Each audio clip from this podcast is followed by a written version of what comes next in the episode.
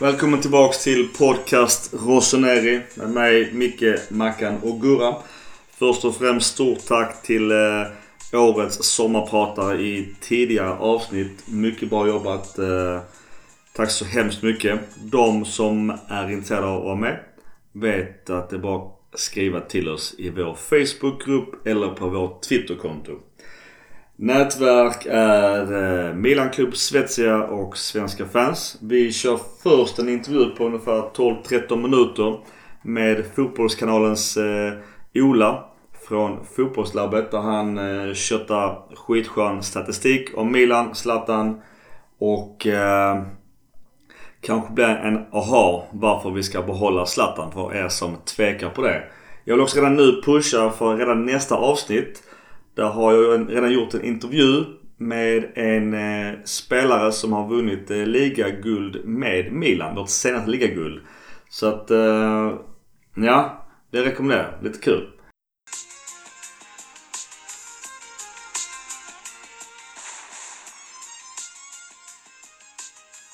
Okej, välkommen igen Ola från eh, labbet.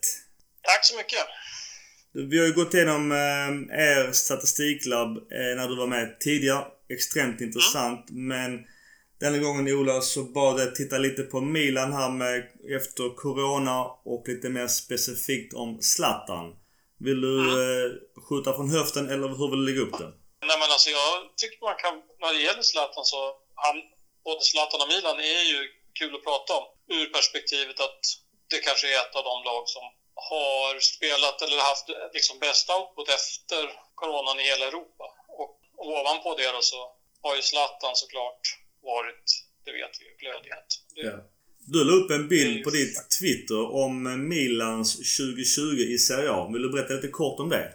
Då tittar jag. Jag har ju de programvaror som jag har byggt som vi använder i analyssyfte så kan man ju titta på delar av säsongen och sådär. Det är väl inget unikt i och för sig. Men och, och, även, och, och, då titta på hur lagen presterar under vissa givna tidsramar. Och då har jag gjort det med just Serie A före och efter coronan. Och då är ju Milan såklart ett av de lag som sådär tydligast har gått uppåt, om man säger så.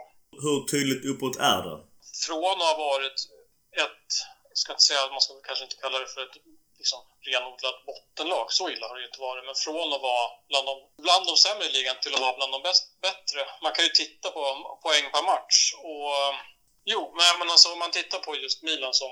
Och då får man ju lite grann göra som de gjorde i ligan till exempel när de avslutade den innan. Eller de stängde ju den ligan. Då tittade de ju på poäng per match eftersom alla inte hade spelat lika många matcher. Visst gjorde man det i ligan? Jag för mig det, ja. Jag för mig det, ja. I, i Nederländerna också. Då blir det ju poäng per match är ju det man får titta på före och efter uppehållet. Då. Och före uppehållet så var ju såklart då Juventus bäst. Man ledde ligan. Milan då på 25 matcher låg på 1,44 poäng per match före uppehållet. Då. Det man ser är ju att Milan är väl kanske det lag som haft säga, störst lyft av det här poängsnittet sen till efter uppehållet och har stigit ända upp till 2,25. Vilket är lika mycket som till exempel Inter hade före uppehållet och sen till och med mer än vad Inter hade efter uppehållet. Så hade liksom Milan fortsatt prestera på den nivå man gjorde efter uppehållet så hade man då går det att argumentera för att man hade varit topp tre. Mm. Så bra var man efter uppehållet. Och det går inte att bortse från att Zlatan, det är så tydligt att Zlatan är ju en stor orsak till det här lyftet. I Milva Milan-fans är det lite några som är delade mycket på grund av hans ålder. Om man, mm. om man bortser från just åldern, vad har du mer för siffror på han hans statistik, vad han har gjort för Milan denna säsongen så att kanske kan lyfta bort den här tveksamheten att han är si så gammal, han bör inte vara någon man satsar på. Ja, nej visst. Vi rankar ju spelarna, vi ger dem ju en poäng egentligen mellan 0 till 100 och det där har man kunnat se i perioder på Fotbollskanalen. Där kallas det för player index och Messi är ju såklart etta med 100 poäng då, eller vad man ska säga, mellan 0 till 100. Och om man bara tittar på den ranken som ändå någonstans är en, ett försök att ta bara titta på liksom den statistiska output en spelare har i form av vad man gör med bollen så, så är ju Zlatan etta i Milan. Då väger vi såklart inte in åldern. Och det är klart, ska man scouta spelare och bygga en trupp för framtiden då vill man ju såklart hitta spelare som har bra siffror men kanske är låga 20. Men eh, om man vill titta på ren objektiv prestation så, så är han bäst. Men hur förhåller han sig till övriga anfallare i Serie A? Kan, man, kan du säga det? Ja, ja, jag kan säga det. Det är samma där. Han är ju bland de bästa. Och sen är han ju rätt unik uh, i, i sin liksom, profil. Han har ju den här fysiska egenskaperna också som han fortfarande besitter i liksom, duellspel och, och vara den där uppspelspunkten som han kan vara både i att hålla bollen, framförallt i att vinna dueller. Både med fötterna men även med huvudet. Och där är han ju fortfarande en av de allra, allra bästa huvudspelarna i Serie A när det gäller vunna nickdueller. Vilka parametrar finns med i det här Player Index? Som man får... får man nästan kolla på något program av Fotbollslabbet tror jag. Jag tror att det finns på Fotbollskanalen hur det fungerar. Men det är ju egentligen så handlar det ju om att ta, vi tar all, egentligen så är det alla parametrar som man kan tänka sig att man kan mäta på fotbollsspelare. Det är ju exakt allting som vägs in i en siffra. Så utifrån eh, Player Index och de parametrarna och de siffrorna så är... Det är över 50 siffror liksom. Ja, men då, då är Zlatan en ganska bra spelare om jag förstår det rätt. Han är ju fortfarande Sveriges bästa fotbollsspelare på det här indexet om man skulle titta på det. Det är Lindelöf och Emil Forsberg och några till som presterar på hög nivå i höga ligor. För det är också så att vilken liga man spelar i såklart påverkar det här, den här siffran. Ju bättre liga du spelar i desto, desto högre poäng får du om du spelar bra. Liksom. En annan sån här parameter som jag tycker man kan, kan vara värd att nämna som jag tycker är intressant och det är ju framförallt på spelare som kanske inte har spelat en hel säsong. Det är ju vilken påverkan man har på laget när man har spelat. I princip så kan man ju se det som hockeyns corsi eller plus minus om man så vill. Alltså hur presterar laget när man är på plan kontra hur man har presterat när man inte är på plan. Och vad säger siffrorna där? Zlatan har ju haft en jättestor betydelse på det här laget när han har spelat. Så han, när han spelar så har ju Milan generellt sett genererat fler chanser än vad de har gjort när han inte har varit på plan. Föga förvånande. Men där är ju han också liksom bland de bättre i Serie A. Av de som ändå har spelat ganska mycket. Så med andra ord kan man tolka det som att när Zlatan är på plan så höjer han resterande spelare i laget någon procent mm. som gör att Milan blir bättre? Absolut. Ja, det kan man absolut. Precis så kan man säga. För det är lite det vi har suttit också och gissat när vi sitter och spekulerar i vår podcast. Att ja, Zlatan, om man höjer alla spelare 1% så blir laget minst 10% bättre vilket kan vara ganska avgörande från en 6-7 till kanske en fjärde plats. Mm. Ja men absolut. Precis så.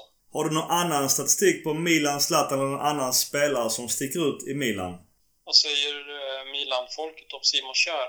Vi i vår podcast eh, är ju positiva eh, med tanke på vad han, vad han har gjort på plan och erfarenhet och ålder, språket och ligan. Så vi tre sitter här i alla fall är positiva till honom. Nu blir det också ja. förlängning. Men det har också återigen varit en diskussion kring Milan-fans återigen om, om hans ålder. Många stirrar sig blind på en ålder. Ja, om jag tittar så ser jag ju... Han är också en sån där som sticker ut just i duellspelet. Han vinner ju mycket dueller. Topp 5 i Serie A. Så han ser ju också... Och även så en sån som faktiskt har påverkat laget bra. När han har spelat så har det gått bättre för Milan än vad det har gjort när han inte har varit bra. Ja, det är spännande att se. Så uh, Zlatan och Simon Kjär. Jag tror inte man ska stirra sig blind på ålder om man ska så att säga bara titta på kortsiktig prestation. Men det är klart, vill man bygga en trupp över sikt så då vill man ju gärna hitta yngre spelare som har potential att bli bra på längre sikt. Så är det ju självklart. Mm. Sen är det den här berömda balansen mellan erfarenhet och yngre entusiasm. Ja, visst. Absolut. Och sen har man ju såklart en jättebra målvakt. Är, han är ju ett stort framtidsnamn fortfarande, såklart. Har du några siffror på honom? Ja, men han eh, sticker väl kanske inte ut som någon målvakt som har räddat mer än någon annan av målvakterna sådär i Serie A. Men han gör väldigt få misstag. Och dessutom ligger han bra till när det gäller straffräddningar förra säsongen. Det finns ju det två spelare som också nämns mycket i Milan och deras utveckling. Och det är ju Benazer och Kessie som har fått en positiv utveckling. Kan du mm. säga någonting på deras siffror? Som... Ja, Benazer ser jättespännande ut tycker jag. Han, han eh, är bland dem vi rankar högst faktiskt. Och eh, det är ju framförallt i passningsspelet skulle jag säga. Det ser, ser väldigt bra ut, tycker jag. Alltså han fördelar bollarna mycket framåt i planen ändå eh, ovanpå det då dessutom rättskaplig bollvinnare. Så det tycker jag ser jättespännande ut. Jag tänkte på en annan statistik. Hur ser topp 10 ut för hela ligan? Man måste spela 10 matcher kan vi säga. Alltså, ja, ja, precis. Ronaldo, etta.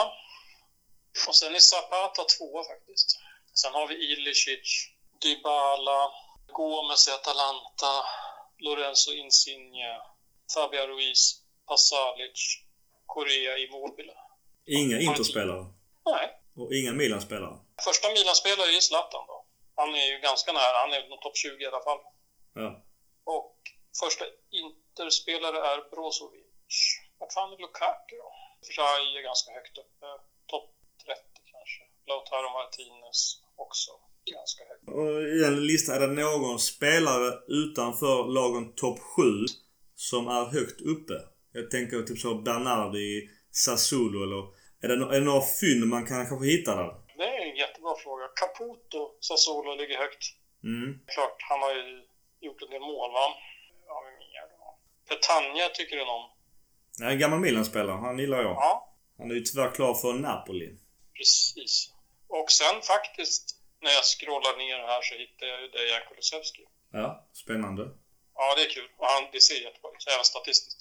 Och framförallt givet åldern. Ja. Eh, Så det är klart att han säkert hade gjort en jätteimpact i Milan också. Men nu är ju han klar för en annan klubb, misstänker jag. Han är klar för Juventus ja, och de- och de köper ju dels både kvaliteten nu och den enorma potentialen. Med tanke på Ja, ålder ju. både och skulle jag säga. För som det ser ut nu så är han ju, med de här siffrorna så är han ju definitivt aktuell för ett svenskt landslag utan någon som helst tvekan. Ja, det bör han vara. Annars, Ola, någon annan spelare eller lag du vill lyfta upp? Jag håller ju på Sampdoria så jag vill ju alltid lyfta dem. De hade ju också en bra tid efter corona faktiskt. De var ju också ett av de lag som fick klar fart, framförallt tidigt. Så länge man inte hade säkrat kontraktet så gick man ju väldigt starkt. Och var 7-8 någonting så i tabellen efter uppehållet. Men sen föll man tillbaks lite så nu ligger man eh, på tionde plats efter uppehållet då. Men fortfarande med en otroligt bra höjning från hur det såg ut innan uppehållet. Alltså. Ola, jag har inte fler frågor. Har du någonting mer du vill säga annars? Eller det... Känner du... Nej, jag bara hoppas att vi får se Milan, eller Zlatan ett år till i Milan. Det skulle ju vara jättekul tycker jag. Jag tycker det är en självklar eh, förlängning. Ja, det är ju som sagt om man bara tittar objektivt på liksom, vad han faktiskt presterar och struntar i åldern så är han ju fortfarande en av Serie A's bästa spelare. Just därför vill man ju se honom fortsätta där. På så hög nivå som han kan spela på. För jag kan tänka mig utifrån hans värden, man plockar bort eh, åldern i passet. Att köpa in en likvärdig spelare med alla attributen och återigen hur mycket han höjer andra spelare. Kommer ju kosta enormt mycket pengar. Ja, helt klart. Och har man då redan det i truppen och kan laget och staden, ligan allting så... För mig är det också en no-brainer. Och jag sa samma sak ungefär med Kjär. Men som sagt, det, vi är ju inte alla som tycker samma om detta. Nej, jag, jag förstår det, för vill man vara lite långsiktig så kan jag absolut förstå att man vill göra någonting, någonting annat liksom. Alltså just för att bygga på sikt, det kan jag absolut förstå. Vill man ha den bästa spelaren på planen och en av de bästa i Serie A, då ska man ju spela Zlatan. Det, det råder ju. Statistiken ljuger inte helt enkelt. Nej, det tycker jag inte. Men sen då om du, om du ska ersätta Zlatan med någonting som på något sätt liknar så är ju faktiskt en spelare som inte är helt olik tycker jag. Det är ju André Silva. Vår gamla Milan-spelare. Ja, jag vet inte om han till och med fortfarande tillhör Milan. Jo. Så... Han är ju på lån till Frankfurt så det... Men har du någonting att säga om André Silva när vi ändå lyfter hans namn? Ja, det var det jag tänkte. Alltså, han har ju haft en okej säsong där. Jag tror han har gjort 12 mål eller något sånt. Spelar rätt mycket. Jag, har inte sett så mycket, det ska jag inte påstå. Men eh, om man bara tittar på statistiska output just på profilen så är de inte helt olika varandra. Vilket är lite intressant om man har en sån spelare på lån. Mm. Som ändå är såklart klart yngre. Och jag vet inte vad han har för marknadsvärde exakt, men det är ju ett par hundra miljoner i alla fall, misstänker jag. Ja, de köpte honom för ungefär 400 men nu verkar de vilja göra ett rakt av byte. En förlängning med lån med Rebic. Ett eller två år till och för sen göra ett rakt byte för att komma runt alla de här klausulerna och, och eh, annat som spökar i det hela. Ja, just det. Men det var intressant spelare ändå att, eh, med just värdena som liknar Zlatans. Ja, alltså, det är väl alltid då du hittar liknande spelare. Zlatan är ju rätt unik, men inte helt olikt i alla fall. Ja, sant. Men du Ola, stort tack för all statistik eh, och vi hör och ser det på Fotbollskanalen. Absolut. Så eh, kommer du på något mer statistik framöver så är du alltid välkommen att höra av dig. Ja, absolut. Super. Stort tack Ola och en trevlig sommar av det som är kvar. Detsamma. Tack så mycket. Ha det gött. Ha det. Hej. Ja.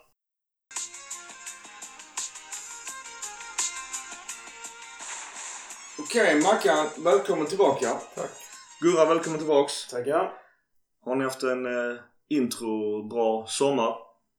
Ja, tycker jag väl. Första delen av sommaren var jätterolig för då kunde man titta på Milan två, tre gånger i veckan. Ja. Ja, jag jag har jobbat i fem veckor nu så det är inne på femte jobbveckan. Jag har fortfarande semester. Jag börjar jobba imorgon. Jag börjar aldrig jobba en måndag. Och Micke gick i Nej, det är rätt. Och Mick... Aldrig jobba en måndag man Nej. slippa. Men vadå, du får en helt underbar arbetsvecka till. Ah, fuck det alltså. Och Över Mi- tre- Micke har semester sen i halvtid. Nej, inte jul. Jag har varit... Det jag har, imorgon har jag haft semester i fem och en halv vecka. Så jag till och med saknar jobbet. Min chef får tvinga mig att ta ut fyra. Ja, jag till det... Ja, ja, Det gäller jag... att trivas på jobbet. Ja, men jag trivs jättebra på jobbet. Du, fuck vår sommar. Vi hoppar rätt in. Jag har en bild framför mig. Milans officiella 3D-tröja. Den är blå. Mackan, Är det spontant. hit eller är det shit? Är det hit eller shit på blå tröja, 3D-stället? Eh, om det inte vore så att den var otroligt lik Arsenals och man börjar fundera på om Gazidis har varit med Lite. så är den ju rätt så... Den är ju annorlunda som tröja för Milans del. Och uppseendeväckande. Är det en hit eller shit? Alltså jag tycker nog... Jag ska inte vara bakåtsträvande. Det är en hit. Ja. Gurra? Jag funderar ett par gånger om eh, det var Arsenal eller om det var Milans tröja. Jag, jag är- blir ofta anklagad för att vara nostalgiker. Med all rätta. För att jag vill ju såklart ha en vit annan tröja och eh, gärna en svart 3D-tröja. Och det Och här... helst Adidas. Såklart Adidas, absolut. Långa ränder på armarna. Jag säger inte att den är ful. Jag, Så, så ska det vara pyjamasrandig också. Det gillar ju du. jag gillar alltså både smala och breda ränder. Jag, jag, jag på allt faktiskt. Så länge det är ränder, det ska vara ränder, det är det viktigaste. I alla fall, jag ger den här tröjan, eh, den är egentligen snygg i färg, det ska jag säga. Men det känns ändå fel. Så jag ger ändå en summering på shit på 3D-tröjan spontant. Sen kan det vara så att för att vi har en blå tredje tröja så går Emirates in och sponsrar extra för att det är en färg de vill promota. Bla bla bla bla bla. Ja, fine, kör. Ja, det kommer ju- Oftast, oftast har ju tredje tröjan bara ett marketing value. Måste ju säga att eh, årets... Eller, ja, säsongen är faktiskt fortfarande igång. Den svarta tröjan, tredje stället, tycker jag är ju riktigt... För Puma. eh, Förra året. Ja, agree. Jag tänkte i dagens eh, Silly avsnitt, vi har redan haft fotbollslabbet eh, och eh, mycket rykte såklart. Jag tror vi kör först officiella åsikter om det och sen blir det ett Silly Season avsnitt och sen hit and shit. Har ni hört eh, Sommarpratarna? Åsikter spontant? Jag tyckte det var bra. Eh, Stora stolar, ja delar av det var bra. Ja. Det var jättebra. Det är kul att de är eh, engagerade och eh, vill vara med i vår fantastiska podd. Exakt. Fick, så slapp vi prata en gång också. Ja, spara på rösten. Ja. Kan en kulspruta idag. Vi kör det officiella. Vi har ju redan eh, in sen tidigare Selemakers Kjär och den här eh, Pierre Kalulu. Ut har vi sen tidigare Sevilla. Vi får gratulera Sevilla och Susu till deras Euroleague-guld. Fantastiskt skönt att de slog Inter. Och så får vi gratulera oss också för att det innebär att Susu... eh, De måste köpa Susu. Ja, för det var redan klart sen fjärdeplatsen. eh, Ja, men det känns ändå bättre. Absolut. Dubbelt klart. Dubbelt klart. dubbelt så mycket för de Det tycker jag också. två gånger. ja, han var faktiskt startman i finalen om jag inte var helt han. fel. Han var, han, I semifinalen fick han höga betyg. Så att de borde faktiskt ge oss lite mer pengar. Eller ge oss... Ännu mer pengar. Ja. Ricardo Rodriguez till Torino eh, för 3 miljoner euro och vi sparar lite lön. Gustavo Gomez, Stopp, Palmeiras. stopp, stopp, stopp, stopp. Du kan, du kan inte bara hoppa över den så att vi säljer Rodriguez. Och det är sig en favorit för Gurra. Nej, nej, nej. Men att sälja, att sälja en, en stabil vänsterback för bara 3 miljoner euro. Ja, det är ju, Alltså, jag tror inte vi går break-even på den ens. när, Men, när vi saknar backup. Om man inte räknar uh, Laxalt. Men jag tycker vi saknar backup. Och där är ju problemet. fair enough. Fall, det var officiellt så vi kan inte göra så mycket åt det. Nej, nej, nej. Det är väl därför vi, vi är väl här för att ha åsikter. Anledningen till att han blir såld är ju förmodligen för att han inte accepterar andra fiolen. Mm. Han Ja. vill ha speltid. Och PSV inte ville köpa loss den summan. Ja. Så han Han är hamnar där gick i till lån i januari var just speltiden inför Mm. ett slutspel som skulle ha varit i somras. Ja, precis. Det känns ändå billigt med 3 miljoner. Jag tycker också det är billigt för han är bra. Det håller jag med om. Men i alla fall, vi kan inte ändra på det som är ristat i sten eller på pränt på papper. Sen också Alessandro Plissari går till Regina. Eh, lån. Helt rätt. Ja, Han jättebra. måste få speltid. Och vi vet sen tidigare, jag vet inte om det är favorit, men Bonaventura, han är fortfarande klubblös. Han lär ju hamna i en italiensk klubb. Och sen din kompis eh, Mackan i Biglia. Och i dagarna har även då Pepe Reina gått ut som klar för Lazio. Så vi sparar är mycket. imorgon. Imorgon skulle han officiell. Så vi är väl... Imorgon Ja, vad tycker vi om det då? Att Reina går? Synd. Det är en bra backup, men jag förstår det. Han hade hög lön, han kom som tänkt första målvakt. Han, alltså den officiella anledningen var ju Oh, han ska hjälpa Donnarumma. Men anledningen var att alla trodde att Donnarumma skulle gå den säsongen. Det trodde vi också. Men sen är det ju så med Pepe Reina. Alltså Pepe Reina är ju en, en stämningshöjare i varenda trupp han är. Han kom ju med som tredje målvakt i spanska landslaget i VM bara för att han var en trevlig prick. Och eh, höjde stämningen och bidrog till hela den biten. Och så, så fick han liksom en guldmedalj i VM på grund av att han var en trevlig kille. Men jag tycker det är ett hån för att det är fortfarande en jävla... Det fanns mer än, fl- fler än två bättre målvakter än honom Ja. i Spanien vid den här tiden. Sen är han bra målvakt. Men alltså, han, han var tredje målvakt. Det har ju inte med spelmässigt att göra där. Det har de till och med sagt. En annan Bosque. officiell är ju då Tomaso Pobega. Och det är ju faktiskt en egen spelare sedan tidigare. Från vår eh, Youth Academy. Hans kontrakt går nu ut den 30 juni 2025. Och hans värde har ökat ganska mycket sedan dess. Det är en rätt så stor kille. Född 99, samma som Donnarumma.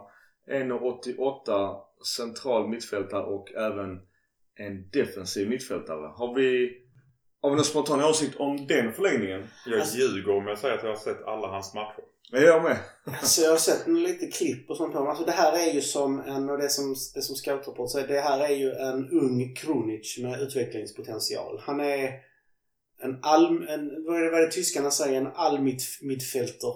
Alltså han kan, han kan röra sig över hela mittfältet, jobba över hela mittfältet. Vi tar ytor. Kille med väldig utvecklingspotential. Ja, man kan söka på Youtube och det finns ett best of. Då ser det ju bra ut men då tar honom ju det bästa han har gjort. Ja. Att han har ju inte sett i Serie A så att motståndet har inte heller varit Nej. på Serie A-nivå. Men Nej, hans kvalitet vet man inte men han påminner om Krunic i hur han kan användas, hur han rör sig och så. Men då är han tänkt som någon form av backup till de två, det vill säga Benazer och Kessie. Eller? jag tror att det här är för att Krunic förmodligen är på väg ut. Och det är jag också menar på. Eller är det det? Jag tror att det är det. Krunic ryktas ju till Torino för eh, Jim Paolo gillar ju honom. Mm. Det var en Jim Paolo-värvning. Det kan också hoppa in och säga Gianpaolo är ju officiellt klar för Torino så vi sparar i alla fall ett eller två års lön på det. Så att ekonomiskt sett så vi tappar Biglia-lönen, vi tappar Rodriguez-lönen, vi tappar då även Reina-lönen och nu även Gianpaolo. Så att ekonomiskt sett så ser det ju bra ut just nu. Sen vet vi alla att det kommer fyllas på med spelare. Sen är ju Pobega en av de tre centrala mittfältarna vi har som vi kanske ska fundera på om vi behöver låna ut. Vi behöver i alla fall låna ut minst en av dem, antagligen två. Som behöver speltid, som behöver utvecklas. Framförallt, vi kommer inte U23-lag den här säsongen heller misstänker jag. Ja.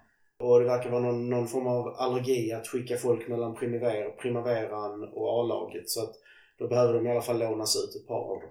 På tal om U23, vi bara hoppar rätt in i en eh, spontan diskussion. Andrea Pirlo, som vi sa sist, blev ju U23-tränare för Juventus. Eh, kort därefter Till eh, vecka. ja, så blev han helt plötsligt tränare för A-laget Juventus. Vad, vad tror vi om det?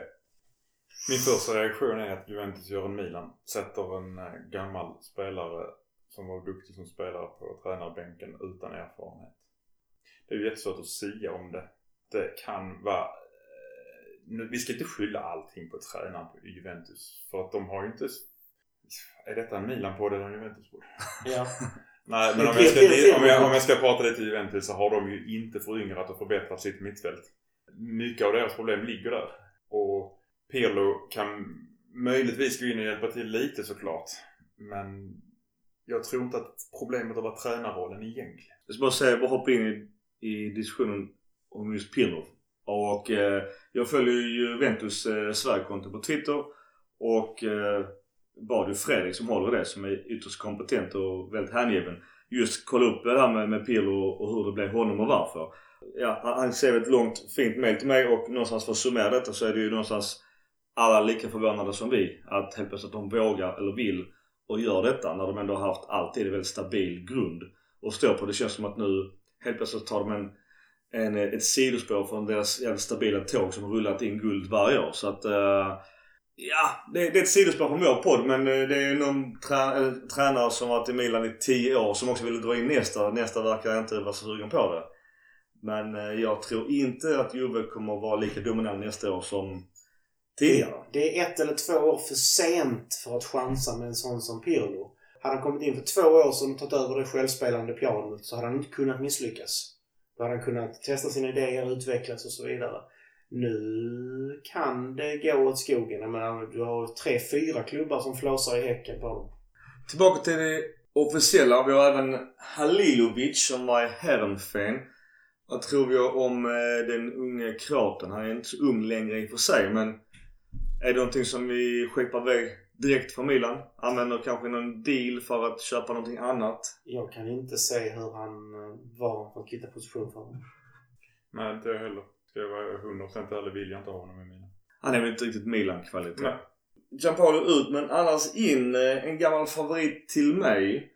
Och just det här som jag varit inne på tidigare önskemål. Jag, återigen, jag är nostalgisk. Men att Dida är officiellt klar för Milans coachstab och ska träna våra... Coachstab! Menar du stab? Stab. Staff? Eller stab? Ja, det blir, det blir två kombinationer av engelska och svenska. Men han eh, kommer träna våra målvakter och eh, han har ju också vunnit allt. Så att det är väl en kille man lyssnar på. Och när man ser att han kommer till Milanello springande istället för en sån flashig bil. Då tycker jag att han blir extra cool. Vadå, joggar han till höstträningen? Han kom in joggandes i alla fall. Sen om han kanske satte bilen en minut därifrån vet jag inte. Men han kom joggandes in. Jag fortfarande, du och jag är nog överens där men Cedorfs gamla tanke på att man skulle ha tränare för varje lagdel som för det första kanske då har spelat i Milan och har bevisat sig vara duktiga. Jag gillar den tanken. Och de där har bevisat det mesta. Sen kan man ju komplettera upp det med specialister och så vidare. Såklart, såklart. Men jag tänker just det här med för fanbärare, speciellt när man då är i en fas där vi faktiskt satsar ganska ungt. Vi, jag såg någon lista att ute i Europa så det var två, tre tyska lag som var före oss utifrån ålderssnitt på någon startelva. Men vi låg fyra, typ något snitt på 24 år ish någonstans. Och det är, som du säger Mackan, det tyder på att vi eh, har börjat, alltså verkligen föryngrat. Även om då vi tog in eh, Kjär och Begovic och Zlatan så har vi fortfarande ett extremt ungt lag på så vis. Jag tror att vi hamnar på 27 om du räknar bara på 2020 där Ibra och Kjär höjde ju väsentligt snittet. Men poängen är fortfarande, jag, jag gillar att Dida kom in och eh, återigen, ja, gamla legender, nostalgi, ja. Men å andra sidan så med det CVt dessa personer har så lyssnar ju folk på dem. Han har vunnit allt. Alltså om, Dida, om jag är målvakt och Dida säger gör detta, då gör jag det annars är jag dum i huvudet. En kille som Donnarumma kan ju uppskatta det och vilja stanna bara på grund av att han får lite hjälp och att utvecklas. Ja, det verkar ju mer och mer på Donnarumma som att han typ talar om för att hålla käften. Det känns lite så det man läser att Raiola uppmanar honom att söka nytt för att det blir mer pengar. Men han vill inte det utan han vill vara kvar och hitta en bra lösning. Raiola vill ju alltid att hans spelare ska byta klubb för han tjänar pengar på varenda transfer. Så. Hur mycket pengar vill han ha? Jag fattar inte det. Han måste ju vara miljardär redan. Ja, bara på Zlatan. Ja, och jag menar det, var, det är inte så att han fortfarande står och gör sina pizzor utan han har ju rätt gott om pengar. Så jag fattar inte den här hetsen. Det kommer, jag hoppas att det biter honom i röven någon gång att folk bara nej men vi vill inte ha någon från ditt stall i vårt lag. För att det är så jävla jobbigt att ha med det att göra. Så ville Mirabelli ju. Mirabelli gillar ju inte honom. Där, eh, jag vet inte, nu verkar ju förhandlingarna vara enklare mellan Milan och, och Raiola än det var under den tiden. i alla fall. Ja, Mirabelli Mirabelli är ju inte kvar men frågan är har Maldini och Ja, alltså jag de tror, här, har de kuvat sig? tror, men jag tror, tror du inte att Raiolas stora grej just med Donnarumma, inte med Zlatan, för Zlatan handlar nog mest om pengar. För Zlatans del. Mm. Eh, Men med Donnarumma att det ska finnas någon form av satsning som är trovärdig. Och det är den grunden vi lägger nu. Precis. Det är nu klubben måste bevisa för Donnarumma och Romagnoli är jag ganska övertygad om. Att det här är seriöst. Att det här kommer att bli någonting. Blir det en icke-sommar nu så försvinner eh, Donnarumma och troligtvis i senare, alltså tidigare, alltså absolut senast januari eller går ut kontraktet och Romagnoli följer efter. Och då är vi tillbaka på Mickes berömda ruta ett igen. Nu föregår jag kanske händelserna här, men det finns ju en del som tyder på att det blir inte en icke-sommar. Men att det, det kanske inte blir en storsatsning heller. Jag har också läst det. Var det 30 med försäljningar Eller hur var det? Ja. Är det med Eh, Susu 22? ja, då är det ju redan, då har vi ju redan de pe- alltså, Eller blir det 52 med honom? Ja. Mm. Tar vi det ett steg längre, om det blir en icke-sommar, varför avbröts Rangnick-dealen? Varför? Alltså alla de här grejerna tyder ju på någonting annat. Att det handlar om någon form av ägarbyte. Alltså Att det någonting. ligger i... Elliot är ju duktiga på att streamlina och ta ner kostnader och effektivisera. Men de är inte så, alltså fortfarande har de gjort det, de har gjort det ganska bra. Men fortfarande går vi nästan en miljard minus. De är inte sugna på att lägga ut en miljard varje år. Absolut inte. Och så ska de dessutom försöka förklara det för Financial Fair Play-grejen. Jag satt också när de har miljardärer som kan kasta upp pengarna så de, så de till och med går plus på Milan. Så det är frågan hur länge vill Elliot som du säger gå minus på det? Där de kan sälja och göra en vinst på det. Arnaud har ju nämnts som alltid nämns när han kommer till Milan. Och många andra med massa pengar nämns också. Så att eh, det, det som vi varit inne på tidigare. Det är den här jävla stadion. Det är där någonstans skon klämmer. Men sen tror jag också att så fort det händer så är alla planer redan satta.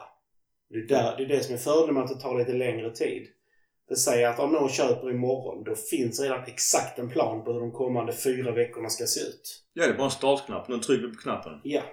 10, 9 och så pang 1 kör vi. En annan officiell grej. Vi, eh, Milan har gått in i samarbete med EA Sports. It's in the game. It's in the game ja. Och alla vi har spelat några EA Sports-spel.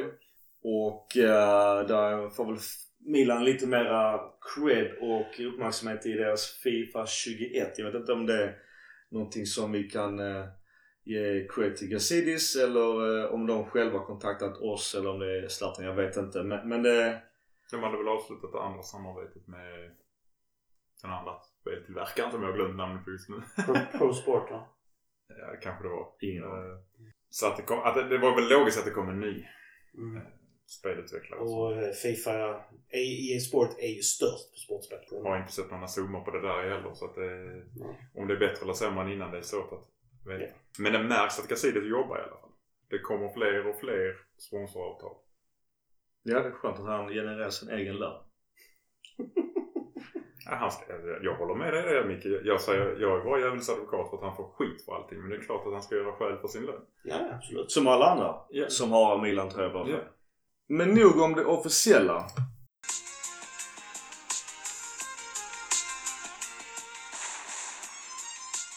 Vi går in på ryktena och eh, då vår tekniska direktör Paolo Maldini som också är en vattendelare. Vissa tycker att han verkar bara vara en snygg man i kostym. Det är han det också. Det är han också. Absolut. Ja, det är han också. Men sen finns det då vissa som jag själv kanske som vill tro att han har lärt sig en hel del under sina 20 år på toppen och eh, kanske har någonting att säga till om på något sätt i alla fall. I alla fall han och Masara som eh, diskuterade lite om sommaren och hur de vill tänkt göra. I, och då någonstans Milan TV, vi la upp en länk tidigare. Det var lite konstigt i vår chatt för att länken på italienska. Jag fattar ingenting heller av den. Men att Milan TV ska få subtitle på engelska. Bara det är ju pinsamt att det inte finns en tidigare såklart.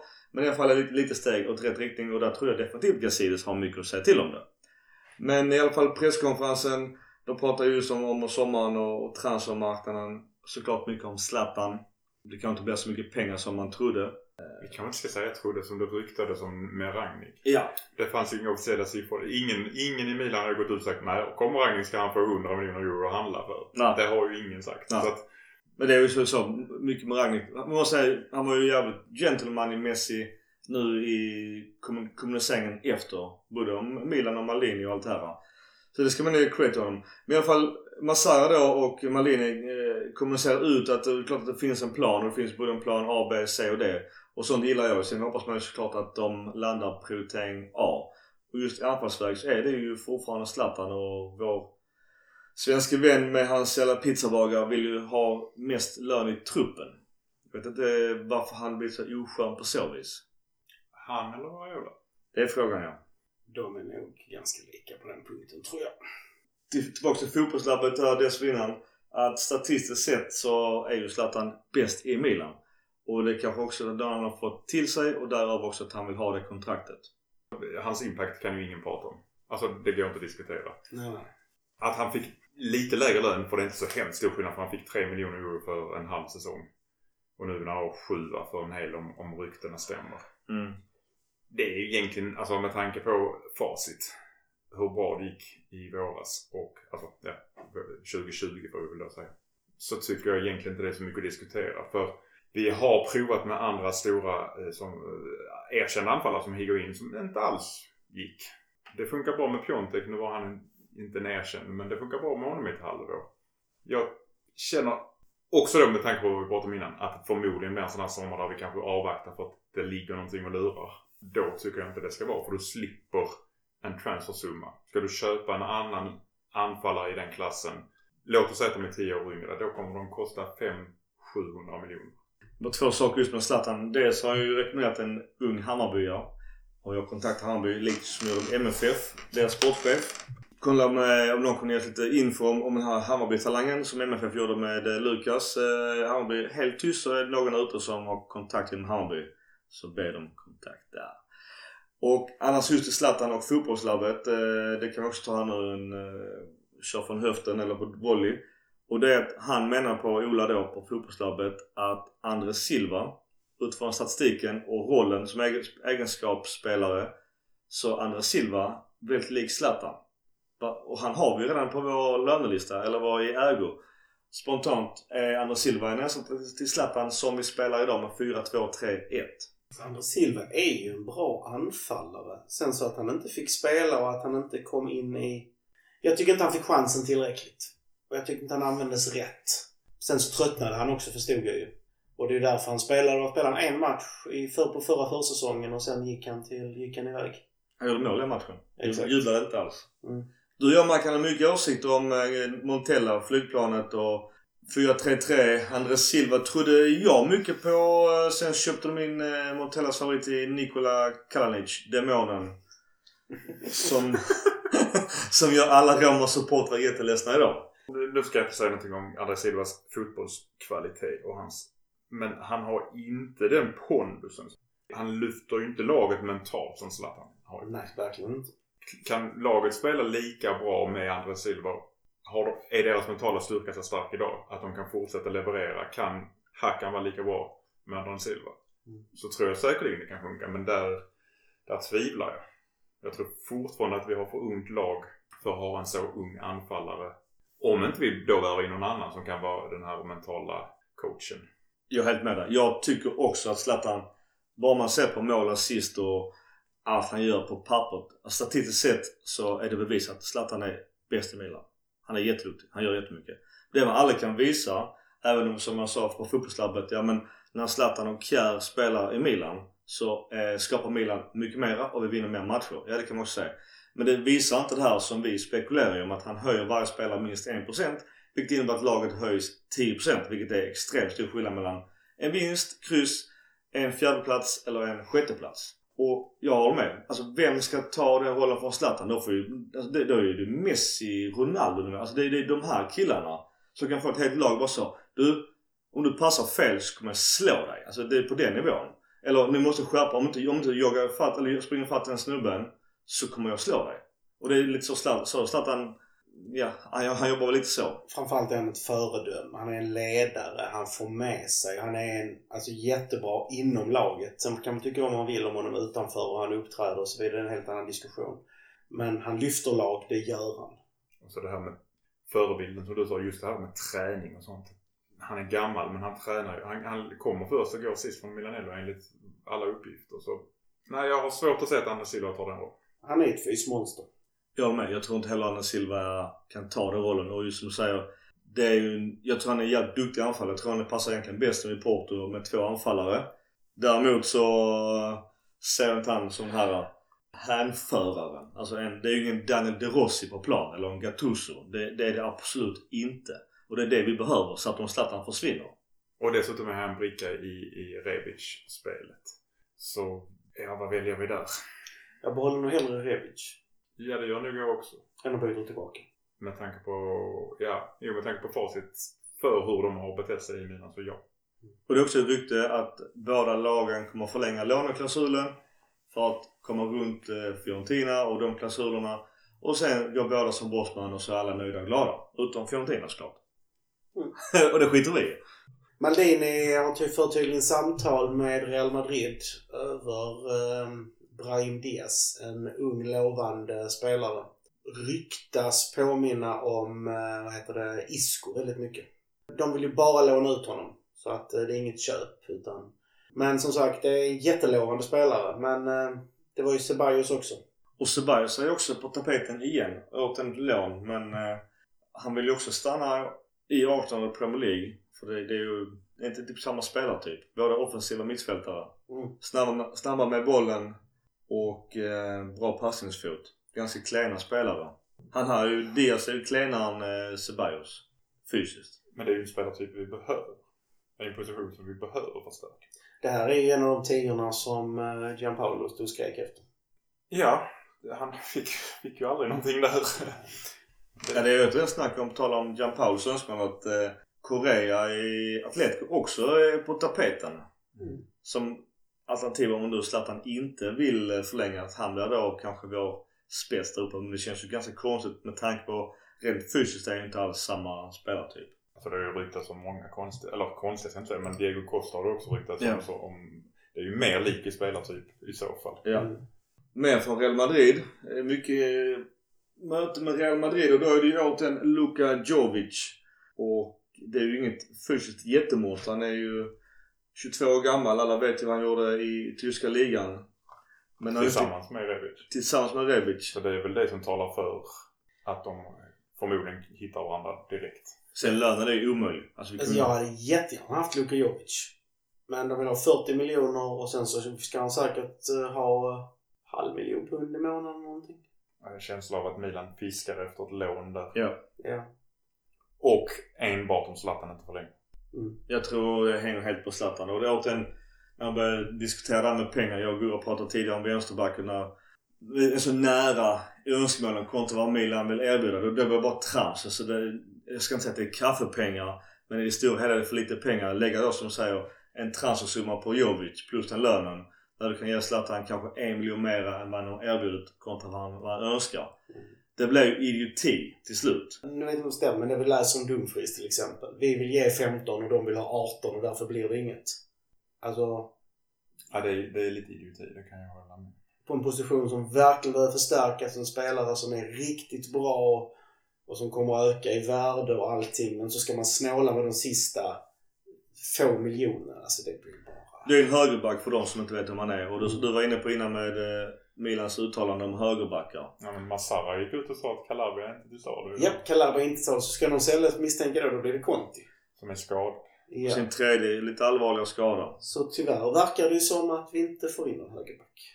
Det är min känsla när jag läser de uttalandena. Jag håller med. Om det inte är för att höja priset på Calabria, men det tror jag inte. Jag vet inte om vi ska gå in på vilka vi kan tänka oss att rensa i truppen. Bara kör. Vi kör Silly rakt av bara. Allt möjligt. Ja. I den aspekten är det bättre att sälja Calabria än Conti. För det första är han inte skadad och för det andra så är det vinst. Ren vinst. Och Och jag, tror finns ju inte, du, jag tror inte pengarna... I, da, I dagsläget är det inte så stor skillnad i pengarna. Jag tror du kanske kan få någon miljon mer för eh, Conti. Tror du det? Jag undrar verkligen det. Conti är bättre offensivt än Calabria. Jag kör på det men jag tycker Calabria är bättre defensivt. Jo, men när du tittar på ytterbackar idag så vill du ha offensiva ytterbackar som kan försvara. Och det är Conti. Calabria är en defensiv ytterback som inte kan anfalla. De båda två höjde sig också i våras. Mm. Jag ska inte säga att de var världsbäst på sin position. De var inte alls lika bra som Hernandez var på vänsterpositionen i och med att han började ta sitt defensiva ansvar. Men de höjde sig båda två. Calabria var riktigt bra vissa matcher i slutet till och med.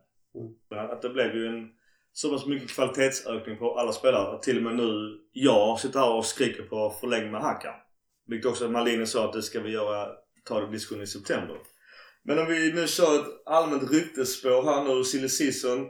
Vår gamla vän i Bakayoko. Det är mycket siffror kring honom. från Chelsea. Långföljetongen. Mycket lång följetong men a new story begins. Ja, men det där är ju den bilden som han la ut när han kom till Milan förra gången.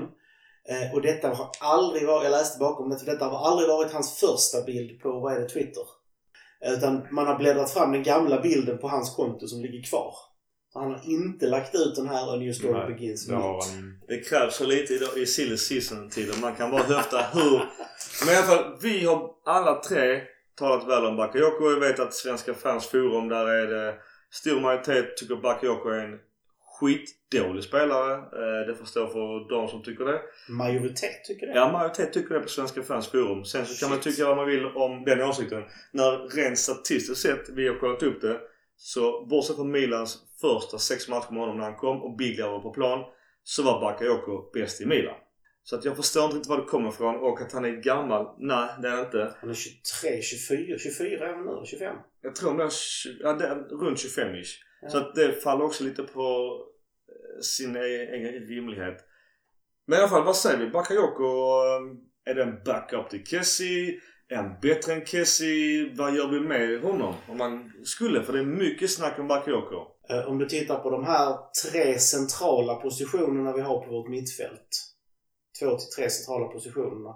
Så ska du ha fyra till sex spelare där det inte blir någon märkbar skillnad. För att kunna ha rotation, för att kunna göra byten, för att kunna ändra matchbilder. Han och Kessie spelar där bak och Benazer framför som rivjärn. Fine. Om vi får in en Tonali, varför inte spela alla fyra? Alltså, det finns alltid lösningar, men man kan inte bara titta på en startelva. Det är en klockren spelare i ett lagbygge. Exakt vad vi behöver. Mackan? Jag tycker om Bakayoko. Jag börjar ju dock fundera på när jag hör siffrorna om att vi har 30 miljoner i budget för de kommer att ätas upp ungefär alltihopa om vi köper Bakayoko. Den senaste ryktena är väl lån och sen en total deal på runt 30-32. Men det är också rykten. Nu vill Gora, nu sitter han och viftar. Fick du stroke precis? Ja, stroke of genius. Eh, rent krasst. Vi pratar om att någonting är på gång, någonting kommer att hända. Det innebär att vi kan ha, kommer troligtvis ha pengar längre fram, eller hur? Ja, och frågan är. Varför tackar man nej till att köpa Bakayoko för 23 miljoner nu och istället väljer att ta ett ettårslån och betala 30 miljoner om ett år? Om, det, om man inte vet någonting. Ja, vi har inte pengar nu, men vi har pengar om ett år. Då är det en klockren lösning. Chelsea kan inte få 30 miljoner för honom ett år heller. Nej. Om inte de lägger in en köptvång Ja. i lånedealen. För då har han bara ett år kvar på kontraktet. Men Bakayoko är klockren. Jag ser inte nödvändigtvis att du behöver ändra vårt spelsystem. Han skulle kunna ersätta både Bak- eh, Benazer och Kessie. Han kan ta de rollerna båda två. Just det gör honom ännu värd mer. Alltså värd pengarna ännu mer. För att han klarar av båda rollerna. Och han blir dessutom inte, med någon av dem blir han dessutom inte förvirrad som han blev med Biglia. Och han kan dessutom, som Gustav var inne på, köra fler roller. Så att jag, för mig, finns det en möjlighet. Jag tycker det är en no-brainer. Mm. Han verkar dessutom gilla Milan otroligt mycket. Ryktena säger att han vill gå ner, eller gå med på att gå ner till halva lönen han har idag. Jag vet inte riktigt vad mer man kan önska. Jag tror någonstans också han såg lite happy place i Milan. Det Många- enda negativa, förlåt att jag avbryter, men Mm. det enda negativa som jag kan tänka mig att fansen, mina fansen är, det är bråket med Gattuso. Ja. Ja. Men någonstans tycker jag att det är rätt mycket vatten under bron sen dess. Gattuso är inte ens kvar i klubben om man ska just ta den storyn. Bigley gick ju också in där och dividerade. Och han är inte heller kvar. Så jag tycker det är rätt mycket vatten under bron. Men just när det kommer till Bakayoko. Han... Eh, jag trodde Milan blev lite happy place. Han var i Monaco skitduktig. Köpte för stora pengar till Chelsea. Enorm press. Han eh, darrade som fan. Till, och så lån till Milan. Skitkass. Sex matcher. Sen bäst tillbaks till Chelsea för de såg fan han detta är en skitbra spelare. Milan kan inte råd att köpa loss honom eller han inte ville. Jag vet inte. Allt är osagt. Pengar där också i Premier League. Och gick åt helvete igen i Chelsea. Utlånad till Monaco igen. Gick inte kanske jättebra där och bara så Milan var happy place. Där spelade bra fotboll. Där fick jag ut min potential. Igen. Tre, fyra års kontrakt. Alltså kan han komma tillbaks till det han gjorde i Milan där och då. Jag håller med dig. Det är en no-brainer. Alltså allt annat statistiskt eh, är ju fel bara. För han gjorde så pass mycket bra i Milan. Och och man är också okej med när du får rotera. För nu har vi Kessie, vi har Benazer som är så jävla bra. Att ni tre får rotera på de här två platserna eh, framför mittfältet. I den fyrkanten. Inga problem. Och så som sagt var, det är ju verkligen positioner vi behöver förstärka. Maldini och Massaro har själv Inte sagt... förstärkning, men alltså truppbredd. Ja, och då har Massaro Maldini sagt vi kommer att lägga pengar på mittfältet. Om det sen är en gubbe. Okej, hellre en gubbe som är bra än fyra halvdana laxalts. Det är det jag menar. Har vi på, på Bega. Peppers Bodega. Ja. Bakayoko så har vi, och ja, behåller vi Krunic också som jag inte, jag har absolut ingenting emot Krunic. Han har ju knappt spelat någonting. Så tycker jag att de platserna är ju täckta. Alltså framför försvaret. Vi lämnar eh, Bakayoko men är kvar i London. Också en spelare som ryktades eh, favoritman av Gianpaolo. Återigen på radarn är då Lucas Torreira från Gunners. Åsikter spontant. Gurra, du följer Premier League. En eh, outstanding box-to-box mittfältare. Det här är en sån kille som äger mittfält. Inget fel att få in honom, men ska man välja mellan honom och Bakayoko, ja då, alltså han är nog snäppet vassare om vi ska vara helt ärliga. Även som bollvinnare. Fysiskt. Ja. Defensivt Ja, ja, fysiskt. ja. Alltså han är... Yahya Touré. Där har du bästa jämförelse. Inte lika fysmonster. Men löpvillighet, spelmässighet, alltså speluppfattning har- är en Yahya Touré-spelare. Saknar skottet kanske, men eh, de andra momenten på planen har han. Mackan åsikt om uh, Torreira. Jag tror han blir dyrare än Bakayoko oavsett. Jag tror att det är ekonomiskt och jag tror inte skillnaden är så stor spelmässigt. Att Stor skillnad är ju som du är inne på att Lampard vill ju dumpa Bakayoko. Torreira behöver inte Arsenal sälja. De bara säger okej, ja vi kan sälja honom men det kommer inte bli billigt. Vi kommer inte putta bort honom utan... Annars vi pratat mycket om Benazer. Om man ser på Milan-data eh, så... Eh, när det kommer till spelare som eh, har gjort minst 50 dribblingar ser Serie A under förra säsongen så är då Benazer bäst av alla med en success rate på nästan 80%. Och det är också något som fotbollslabbet poängterar att Benazers statistik är sjukt bra. Det bara ett litet orosmoment. Och det, Gula korten. det, det, är, förutom guld, det är ju här nästa år, 2021, så aktiveras hans eh, klausul på 50 miljoner euro. Och så är det också rykte. Får vi då tillägga. Det är ju ingenting som är... Det är ingen som är validerat kanske. Nej, inte vad jag vet i alla fall. Låter märkligt. Det finns säkerligen någon, någon som, eh, någon liten agent som har dratt i de trådarna och klart att de vill ha en utköpsklausul där. Men... Du kan säga att det är Calcio Mercato som har skrivit det så inte vi står här och hänger tvätt. Och är det 50 miljoner euro Mycket pengar. så är det fortfarande ganska mycket pengar. En vinst Ja. på 34. Andra sidan som jag sa i vårt avsnitt innan sommaravsnittet. Jag vill tro att Benazer kanske kan bli bäst i världen. Alltså, På sin position. om utvecklingen går som i år med tanke på att han är ung så är jag inga hinder för det heller. Det är tråkiga, ska det vara skador och andra problem så att säga. Men en stor anledning till att Milan gick bra 2020. Mycket Ja. stor anledning till att Milan gick bra 2020. Verkligen. Ska man, kan man säga att han var bäst? Nej, Donnarumma. Över, ja, över hela säsongen? Ja. Donnarumma var bäst i laget. Benazer och Hernandez eh, kan man nog ha på en andra plats där. Och sen... Eh, Bäst förra säsongen, det är så sjukt Ja, det är svårt. svårt. För Över hela säsongen håller jag med. Donnarumma var bäst under, över hela säsongen. Mm. Och tvåa är nog Hernandez över hela säsongen. Men tar man bara 2020 så ligger det nog någon som är före båda två. mm, Zlatan där bland annat ju. Ja, och Benazer kanske. Mm. Kessie. Och Kessie. Alltså det är väldigt många som höjde sig. Han, han kan vara Ja, ja. fruktansvärt bra i slutet. Ja, precis. Någonstans eh, bekräftar vår statistik att eh, ja, alltså Zlatan-effekten är såklart svensk media men att sen eh, vintras, alltså kalenderåret 2020 så blir Milan tvåa på 45 poäng. Bara Atalanta med två poäng före är bättre än Milan. Vilket också någonstans eh, bevisar att Milan 2020 var bra och var ännu bättre efter Corona. Där tror jag till och med Milan var bäst. Den jobbiga förlusten är Genoa hemma precis vid corona avs innan coronastoppet. Då tänkte jag, jag kommer inte säga en enda match inför tomma läktare. Men ändå har jag sett alla matcher Ja, på tomma läktare. Ja, men alltså på något sätt, det beror på vad man tittar på. Alltså, det var, på ett sätt var det kul att höra när de skrek. Spelaren, det var inte avslaget. Ändå det var avslaget första gången de var utan för de var nästan chockade över hur tomt det var. Jag är förvånad att Juve inte går bättre med tomma läktare för jag menar de har inga fans ändå.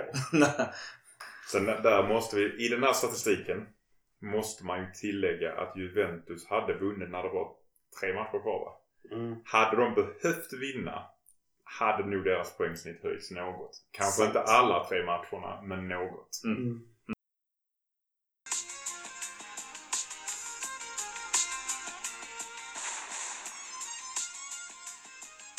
Vi kör lite lagbygge. Vi, vi bara, bara kort, när vi tar lagbygge. Kan vi berätta att det var, det, nu är Who Score som talar att eh, Most Improved Post Lockdown 11. Och då har vi faktiskt två spelare med. Det var precis som du sa Mackan här att eh, Håkan då. I de stora ligorna i Europa. Ja, La Liga, Serie A, Premier League och Bundesliga. Och där har vi Kesi som har 0,60 plus på sitt snitt och Hakan Canoglu är 0,73 i snitt. Jag vill också någonstans, på tal om rykten tidigare nu, det är kanske inte rykte i sig. Men Serie A's U21 Team of the Season också från Who Scored. Har vi då en ryktesman i Kesa, enormt mycket pengar. Jag tror Milan kommer backa för de vill väl ha 70. Men många pratade om Tonali och eh, deras inomhusfält i en 4-4-2 har vi vår egen Benazer. Men med bättre snitt har vi vår gamla primavera i Lucatelli. Åsikter om den elvan? Fortfarande vansinnesförsäljning av Locatelli i fjol. Står fast vid det. Ja. Uppenbarligen. Han har ju varit jättebra i Sassuolo. Mm. Vår svenske vän eh, Kulusevski är också med på mittfältet. Och Barrow till vänster. Mittbackar är Delict och Romero. Och eh, högerback Tomayasu och vår egen vänsterback i Teo på vänsterbacken. Vår målvakt Donnarumma mitt, eh, mitt målvakt. Mittmålvakt. Ja, mittmålvakt. Och till högermålvakt ja, det hade kanske behövts. Och sen då Kesa och Martinez som anfallare. Åsikter Mackan eh, Lucatelli? Vill du ha tillbaka honom? Ja. Mer än Bakayoko? Bakayoko? Nej. Mer än Tonali? Den är svår. Det måste, jag, om jag bara får tänka fotbollsmässigt, nej. Men om jag måste börja tänka på ekonomi så skulle jag nog säga ja. Tonali verkar gå till Inter men vad säger du Gurra? Tonali? Och, eh, Alltså Tonali är den största no-brainern den här sommaren att köpa. Kan man få möta, möta vad de vill ha så skit i Bakayoko. Ta in Tonali. Lätt. Åsikter annars om Lucatelli och att han är med i u laget och hans bra betyg? Ja, Locatelli absolut. Ta tillbaka det men de vill ju ha, vad var det, 25-30? Ja. Alltså det- att vi inte bakar in en återköpsklausul. Alltså jävla dumt. Ja. Eller vidareköp. Alltså att vi skulle få en procent vid försäljning. Och säljer honom för 10. Ja, det måste... 10 plus 2 så. Tjänstefel av Ja. Leo. Men om vi har trupper upp här. Vi, om vi kör lite lagbygge vid vårt 4-2-3-1. Vad åsikter Gurra? Du har ett papper framför dig. Jag påminner lite grann om det lagbygge som vi gjorde då för tidigare i år. De tre målvaktspositionerna nu så har vi ju bröderna Donnarumma eh, inför nästa säsong. Och då är frågan hur vi ska se ut. Vi har lånat ut Plesari. Ska vi behålla Begovic då som eh, tredje målvakt? Det ryktas ju om att man skulle kunna få honom... Ja, hans kontrakt går väl ut eller vad det är så att man också skulle kunna skriva det ett år till. Högerbackar, Conti och Calabria. Jag anser fortfarande att eh, det är nu vi ska sälja Calabria. Det är nu vi får pengar för honom innan han blir för avslöjad. Han är för svag defensiv som jag var inne på innan. Han har ingen offensiv. Han jobbar, han sliter men det är mycket misstag. Det är mycket så. Eh, och där skulle jag gärna säga att vi tog in en Dumfries till exempel. Ha Conti kvar som backup. Alternativt sälja Conti och behålla Calabria. Det är ju sak samma. Eh, som mittbackarna har vi ju nu eh, som det ser ut Duarte, Gabbia, Romagnoli, Simon Kjär. Jag räknar inte Musacho. Vi behöver ta in en riktigt, riktigt bra mittback. Thiago Silva. Klart för Chelsea, Chelsea. Ja. eller? Ah, inte, det är inte hundra än. Men det är på gång. Jag ser fortfarande att Ruben Diaz från eh, Benfica skulle vara en uh, riktigt bra värvning där och få höja nivån på den centrala backlinjen. En perfekt lekkamrat till Romagnoli också. Är detta önsketänkande? Eller är det, finns det något... Alltså, Nej, nej. Nu gissar jag inte. Är Nej, det nej. Ruben Diaz är bara ett önsketänkande. önsketänkande? Det är- Det är mina Jag åsikter. tänker att de brukar vara fruktansvärt dyra när man ska Benfica. köpa från Ben- Ja, Rui Costa ja, ja. kan ta pengar. Han vet hur man mjölkar alla Ja, alltså 30, mellan 30 och 35 miljoner euro pratas det om för Diaz. Och det är han absolut värd. Det kan man också få han, vet han, uppe med en Cano, han från eh, Red Bull. Ja, jag tror så. Han har väl också en klausul på 30-40 någonting. Tror det, ja. Något sånt. Ja. Lär hamna i Bayern som alla andra tyska lagspelare. Sen kommer vi till problempositionen nu när vi har sålt eh, Rodriguez och det är ju vänsterbackspositionen. Just nu har vi Theo Fernandes. Eller Anandes. Och ett backup till honom har vi Laxalt. Uh, Laxalt tycker inte jag håller nivån som en vänsterback för att kunna prestera. Nu ska vi spela i Europa också. Där måste in någonting. Frågan är hur man löser det. Eh, om man nu så jättegärna vill behålla Calabria, köpa in en annan högerback och sätta över Calabria som backup på vänsterbacken. För han kan spela på bägge sidorna. Fast där är han riktigt dålig. Ja, men han är lika dålig på bägge. Ja, alltså så. Nej, alltså på vänsterback är han usel. Ja. Usel. Men det måste in en vänsterback i alla fall. Och där... ehm, det är en tuff vänsterbacksmarknad. Visst, det går att få tag på riktigt, riktigt bra vänsterbackar. Men då ska de konkurrera med Hernandez och då får man betala för det. Det finns faktiskt en vänsterback och nu är detta ett svenskrykte så hade, hade det skett hade det varit ganska coolt. Eh, Ludvig Augustinsson är på tydligen eh, funderar på att lämna. Är det Wolfsburg va? Nej, vart han i Werder Bremen? Ja, Werder Bremen. Och det hade varit en riktigt bra backup. Han kan spela, både- han klarar både defensiva och kan leverera offensivt bra inläggsfot. Men jag tror inte det kommer hända. Men det hade varit en intressant värvning. Och kul för oss i svenskar också. Eh, det defensiva mittfältet har vi just nu Frank Kessie. Det ryktas om Bakayoko. Hade varit jättebra. Det ryktas om Tonali. Det hade varit, som jag sa innan, det är en no-brainer att få in Tonali. Han kommer att dominera italiensk, italienska mittfältet, landslag och allting i 15 år framåt. Men det kommer kosta däremot så att det är ju ett rent önsketänkande. Men Bakayoko hade varit jättebra. Vi har Kessie, vi har Benazer. Kronic är lite ett enigma. Går han med på att spela så lite? Visst, han lär ju få spela mer i Europa. Behöver vi högre klass på våra backuper? Eller klarar eh, ungdomsspelarna att fylla den rollen som Kronic har haft? Det skulle inte göra ont att sälja honom Även om det kan vara bra att ha kvar honom som backup och låta ungdoms, låna ut ungdomsspelarna istället. Eh, vi har tre centrala spelare på eh, centrala mittfältet som kommer från ungdomsleden. Och det är Marco Brescianini. Så mycket? Brescianini. Mm, snyggt. Vi fick eh, kommentar på uttalet på det innan. Eh, vi har ju eh, Tommaso Probega och Emanuel Turasi. Alltså tre väldigt lovande centrala mittfältare som säkert kan hålla Serie A-klass och så vidare om något år. De är inte där än. En till tre av dem behöver lånas ut. Beroende på hur det ser ut med Kronic också, men kanske en eller två i alla fall om vi behåller Kronic. Eh, sett i speltid. Framtiden finns. Vi har ju på det offensiva mittfältet har vi ju Daniel Maldini. Som måste börja få speltid. Herregud. Jag läste något rykte om att de ville satsa på honom. Vilket också låter jättekonstigt. Och det är mycket rykte kring hans lön och den, även om det stämmer så är det ju bisarrt av Maldini att han har gett sin son så hög lön på Nej, upp mot 1,7. Det- Pappa betalar. Ja, pappa betalar fram med kortet. De, Men det är, officie- de officiella lönelistorna släpps i november, december. Jag ska, jag ska ha koll på det då. Ja, Maldini tyckte han fick för lite lön själv. Så därför höjde han sonen. ja, Kan det vara så? och kan man sno pengar av sin egen son. Ja. Nej, jag, kan aldrig, jag kan aldrig säga att det är så. Men eh, han, han han borde i alla fall spela varje Primavera-match och sitta på bänken i A-laget. Det borde vara givet. Sen har vi Paketa. Jag ser fortfarande en framtid för Paketa. Men då måste han få förtroende, han måste få speltid. Får han inte det så kan han säljas. Vi har Hakan eh, naturligtvis som helt plötsligt tände till. Men som jag sa i förra avsnittet också. Är han på sin... Eh, eh, alltså av hela tiden han har varit hos oss. Hur, hur många gånger, hur lång period har han varit bra egentligen? Är det tre, fyra månader han, har- han har faktiskt spelat på hög nivå? Jag vill se mer, men det är absolut värt att förlänga. Vi har Castillejo som gick in på högeryttern där och var hur bra som helst.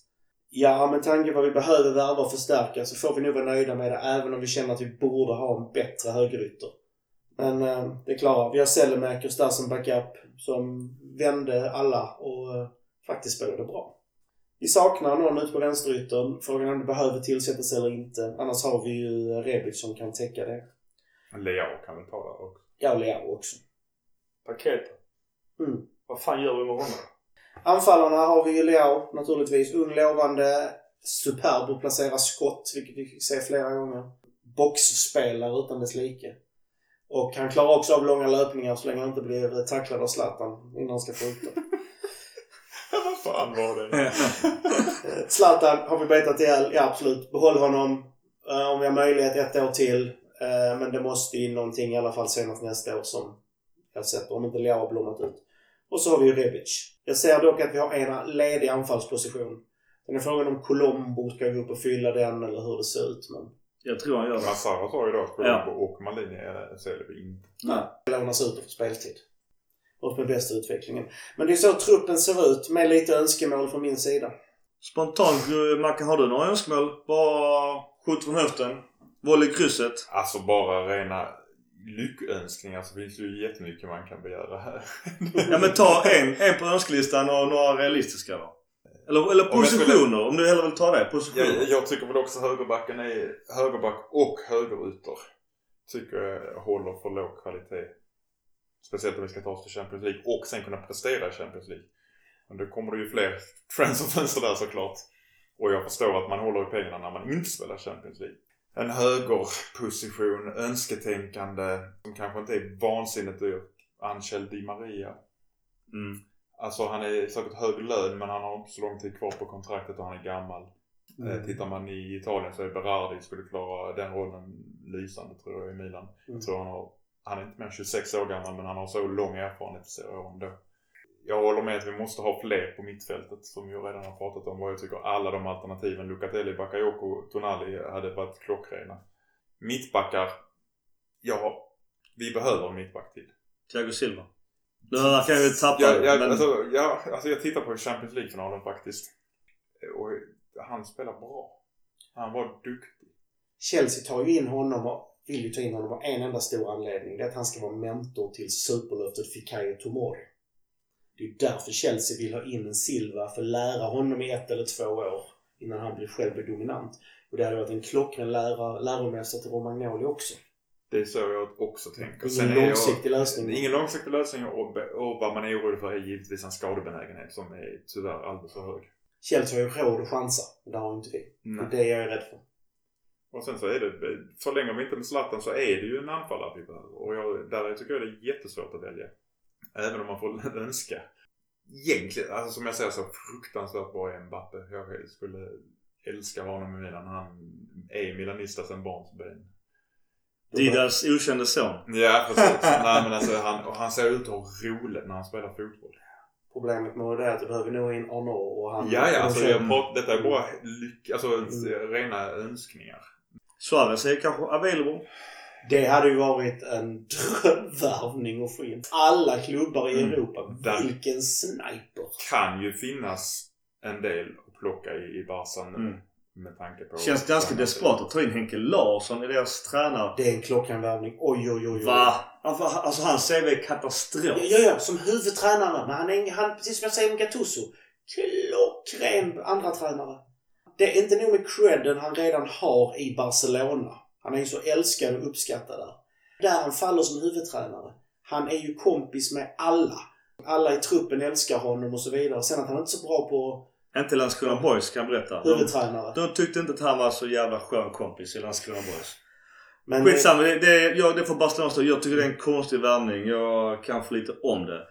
Men, men annars så, vad säger du? Något mer äh, Mackan? I önskemål eller realistiskt? Realistiskt så om vi nu inte förlänger med Zlatan så finns Mandzukic som gratis faktiskt. Och jag tycker egentligen inte om honom eftersom han har varit i Juventus.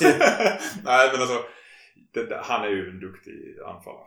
Jag tror nog han är mest lik Zlatan. Både egenskaper och eh, spelartyp. Absolut. Och ett riktigt rövhål att möta. Så att jag gillar också honom. Jag vill gäller inte möta honom. Men eh, jag kan också säga det. Jag, jag är lite inne på Sassulo. Alla de här tre mittfältarna, både Bernardi, Boga och Lucatelli. Alltså jättegärna. Jag tror också det är spelare som vill ta ett kanske lagom steg där Milan kanske är idag. Också också att han har en rimlig summa eller kanske lite byte och annat. Men annars så tycker jag det finns, det finns ju mycket spelare i holländska ligan som är, håller hög nivå i Ajax bland annat. Och att han vann den Beck, visst det kan vara en dyr tia. Men om vi letar tia som är Diaz eller man snackar Modric eller eh, vad det nu kan vara. Att eh, Van den Beek tycker jag, det året de spelade Champions League var han ju alltså fantastiskt duktig. Mm. Och det är ju många i Ajax som är svinbra. Där, där tror jag Milan kanske har chans att plocka lite. Sen är det några offensiva mittfält som inte, alltså Götzes kontrakt går ut. Ja. Matta som jag egentligen tycker om. Han har inte spelat alls mycket på senare tid. Men egentligen tycker jag det är en fantastisk fotbollsspelare. Ja, ja. Matte är hur bra som helst. Han är inte riktigt lika snabb innan, som han var innan. Men... Så Jag så tror också hans- många, många högeryttare i Chelsea som har, som har, har ut, utgående kontrakt. William och Han kan. Pedro. Ja men är de klara? Ja, fråga. Pedro ryktas ut till Roma va? Ja, Pedro hade jag velat säga Milan. Men sen, det andra som Silva, han eh, hijackade gick till Sociedad. Men också en bra spelare. Men jag tänkte annars så, vi pratade om rykte, bara kort. Braida. Är det en eh, gammal Milan-direktör? Tar han Bobans roll eller? Som sa, vad, vad säger vi om honom? Han har inte gjort jättebra värvningar i Barcelona där han har varit. Ja, jag, alltså, som Ariel milanista har man ju goda minnen av honom såklart. Frågan är vilken roll han tar. Där är ju roller i... Alltså Scaronis roll. Han har ju gått ut från dag ett och sagt att det här är tillfället. Jag ska inte vara sitta i styrelsen. Mm. Eh, Där finns andra roller som Bobans som är ledig. Mycket oklar roll dock. Sen kan man säga också att värvningarna i en klubb som Barcelona kan egentligen bara, eftersom presidenten har sista ordet och bestämmer i princip allt när det gäller sånt. Så de andra har bara rådgivit. Så att, att vissa värvningar i Barcelona har blivit negativa, det, det är svårt att skylla på någon i staben för det. Så var det även i Milan när Galliani styrde såklart. Och Braida då tog fram jättemånga bra värvningar och sa här Galliani köp dessa. Och Galliani hade inga pengar. Utan han bara, ja men ni får 20 spänn. Jag är ledsen, han lär kosta 100 miljoner. Och så gör succé i andra lag. Alla gick ju på vad, vad vill Braida ha? Okej Milan har inte råd att köpa honom. Då köper vi honom. Så blev det succé på alla spelare. Så att nu kommer inte han vara scout i Milan. Men jag tror att hade man använt honom också som det. Och där har vi ännu en grej, ännu en grej som tyder på att det kan vara något ägarbyte på gång. Mm. För Arnaud har ju sagt, om man ska tro ryktet åt den, han vill ha tillbaka till gamla nostalgiska Milan när Milan var bäst i världen. Det vill jag.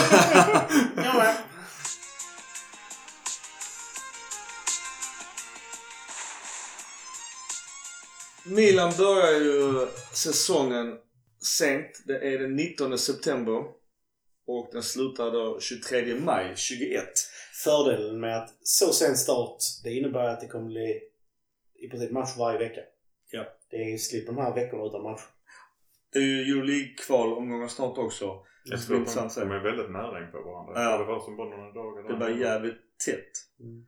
Jag tänkte, har vi något annat att säga mer om Silly? Något, vi, något volleyskott han har i krysset? Innan vi går till hit and shit på sista. Nej, men, men, men det känns fortfarande som vi står i att någon... Vi, vi är precis innan stormen. Det här är lugnet före stormen. Någonting är på väg att hända. Man bara känner det i alla rapport, all rapportering, allting. Men det händer inte än. Alltså det har, inte brakat lös. Eh, vi hoppas bara, hoppas bara att det brakar lös snart så vi kan eh, få någon klarhet i framtiden. Paqueta. Jag kan tänka mig sälja honom om det kommer, alltså om vi använder honom som en bricka i en bytes till någonting som är mer konsekvent i sitt agerande. För det är, 20-25 för honom och sen används pengarna till en Tonali eller något liknande. ja, Frågan om vi får så mycket för paketet då. Det känns det som enda att... som har ryktats är ju någon form av bytesaffär med Fiorentina. Ja. Vi pratar fortfarande om en spelare som ordinarie brasilianska landslaget. Bara det är värt 20 miljoner. Jag vet inte, men ja, vi får väl se. Vi får väl se. Vi skulle köra en hit and shit, sen så finito. Vem vill börja? Peka på mig. Ja, men jag tar eh, en shit. Det är väl att uh, ingenting egentligen är klart. Uh, det kanske är, som du säger, lugnt för stormen. Malini och Masara jobbar på som fan. Lite så, så ankor på, på vattnet. Uh, trummar som fan under vattenytan. Hitten. Jag måste pusha för nästa avsnitt. Jag har redan klart med en intervju. En eh, eh, ligavinnare för Milan tidigare som har spelat med Zlatan. Han har en rolig story om Zlatan. Så att det vill vara min shit. Jag pushar redan för nästa avsnitt. Är det en shit att pusha för nästa avsnitt? När jag gör hit. Sa jag inte det? Nej, du sa min shit är att pusha för nästa avsnitt. Jaha, okej. Ja, det var hit. Eh, Min hit är att Biglia försvinner. Oj, oj, oj, oj, oj. Shit. Det är att säsongen börjar fan inte förrän den 19 september. Hur ska man orka vänta ända till Euro League-matcherna. Ja, men jag tror det var, det var det den 17 då. det är jättelång tid när man är börjat bli van vid, vid tre matcher i veckan. Du får se på Allsvenskan. Ja. Andra är det ju rätt snyggt där. Ja, det får man väl ändå ge dem. Cupmästarna har ju fått massa nyförvärv nu. Så. Skitfull tröja med cupmästaren. Det går inte jättebra för dem va? Nej, Annars- nej, nej. Men tagit in Wernbloom och nu Ja. kommer ju Sebastian Karlsson också. Men Sebastian Eriksson. Det räcker inte. Nej. Men vi har en... nej, Vänta lite. Vi har lite diskussion här. Micke kunde inte riktigt svara. När vann Malmö en titel senast? Vi vann ju SM-guld, eh, var det 17 tror jag. Ja, Okej. Mm. Så att, vi har ju två stjärnor på bröstet. Hur många har Göteborg? En. Exakt. Skit i det nu. Eh, Din hit and shit. Och sen Göteborgs cupguld så... så klipper jag direkt. Nej, jag behöver inte prata mer om att Göteborg är svenska cupmästare. Det behöver jag inte prata om. Så. Hitten... Eh, känns... 1.22.45 ska du börja klippa. Eh, vi avslutade snyggt. Är Bakayoko på gång in så känns det bra. Det är smarta värvningar. Shitten är om det stämmer att vi snålar på typ 3 miljoner för att förstärka vår högerback. Om, som det var som han sa där i intervjun, att vi behåller Calabria för att han har spelat i klubben länge. Om det är enda anledningen så är det verkligen en shit. För att han är för dålig. Forza Milan. Forza Milan. Så Milan.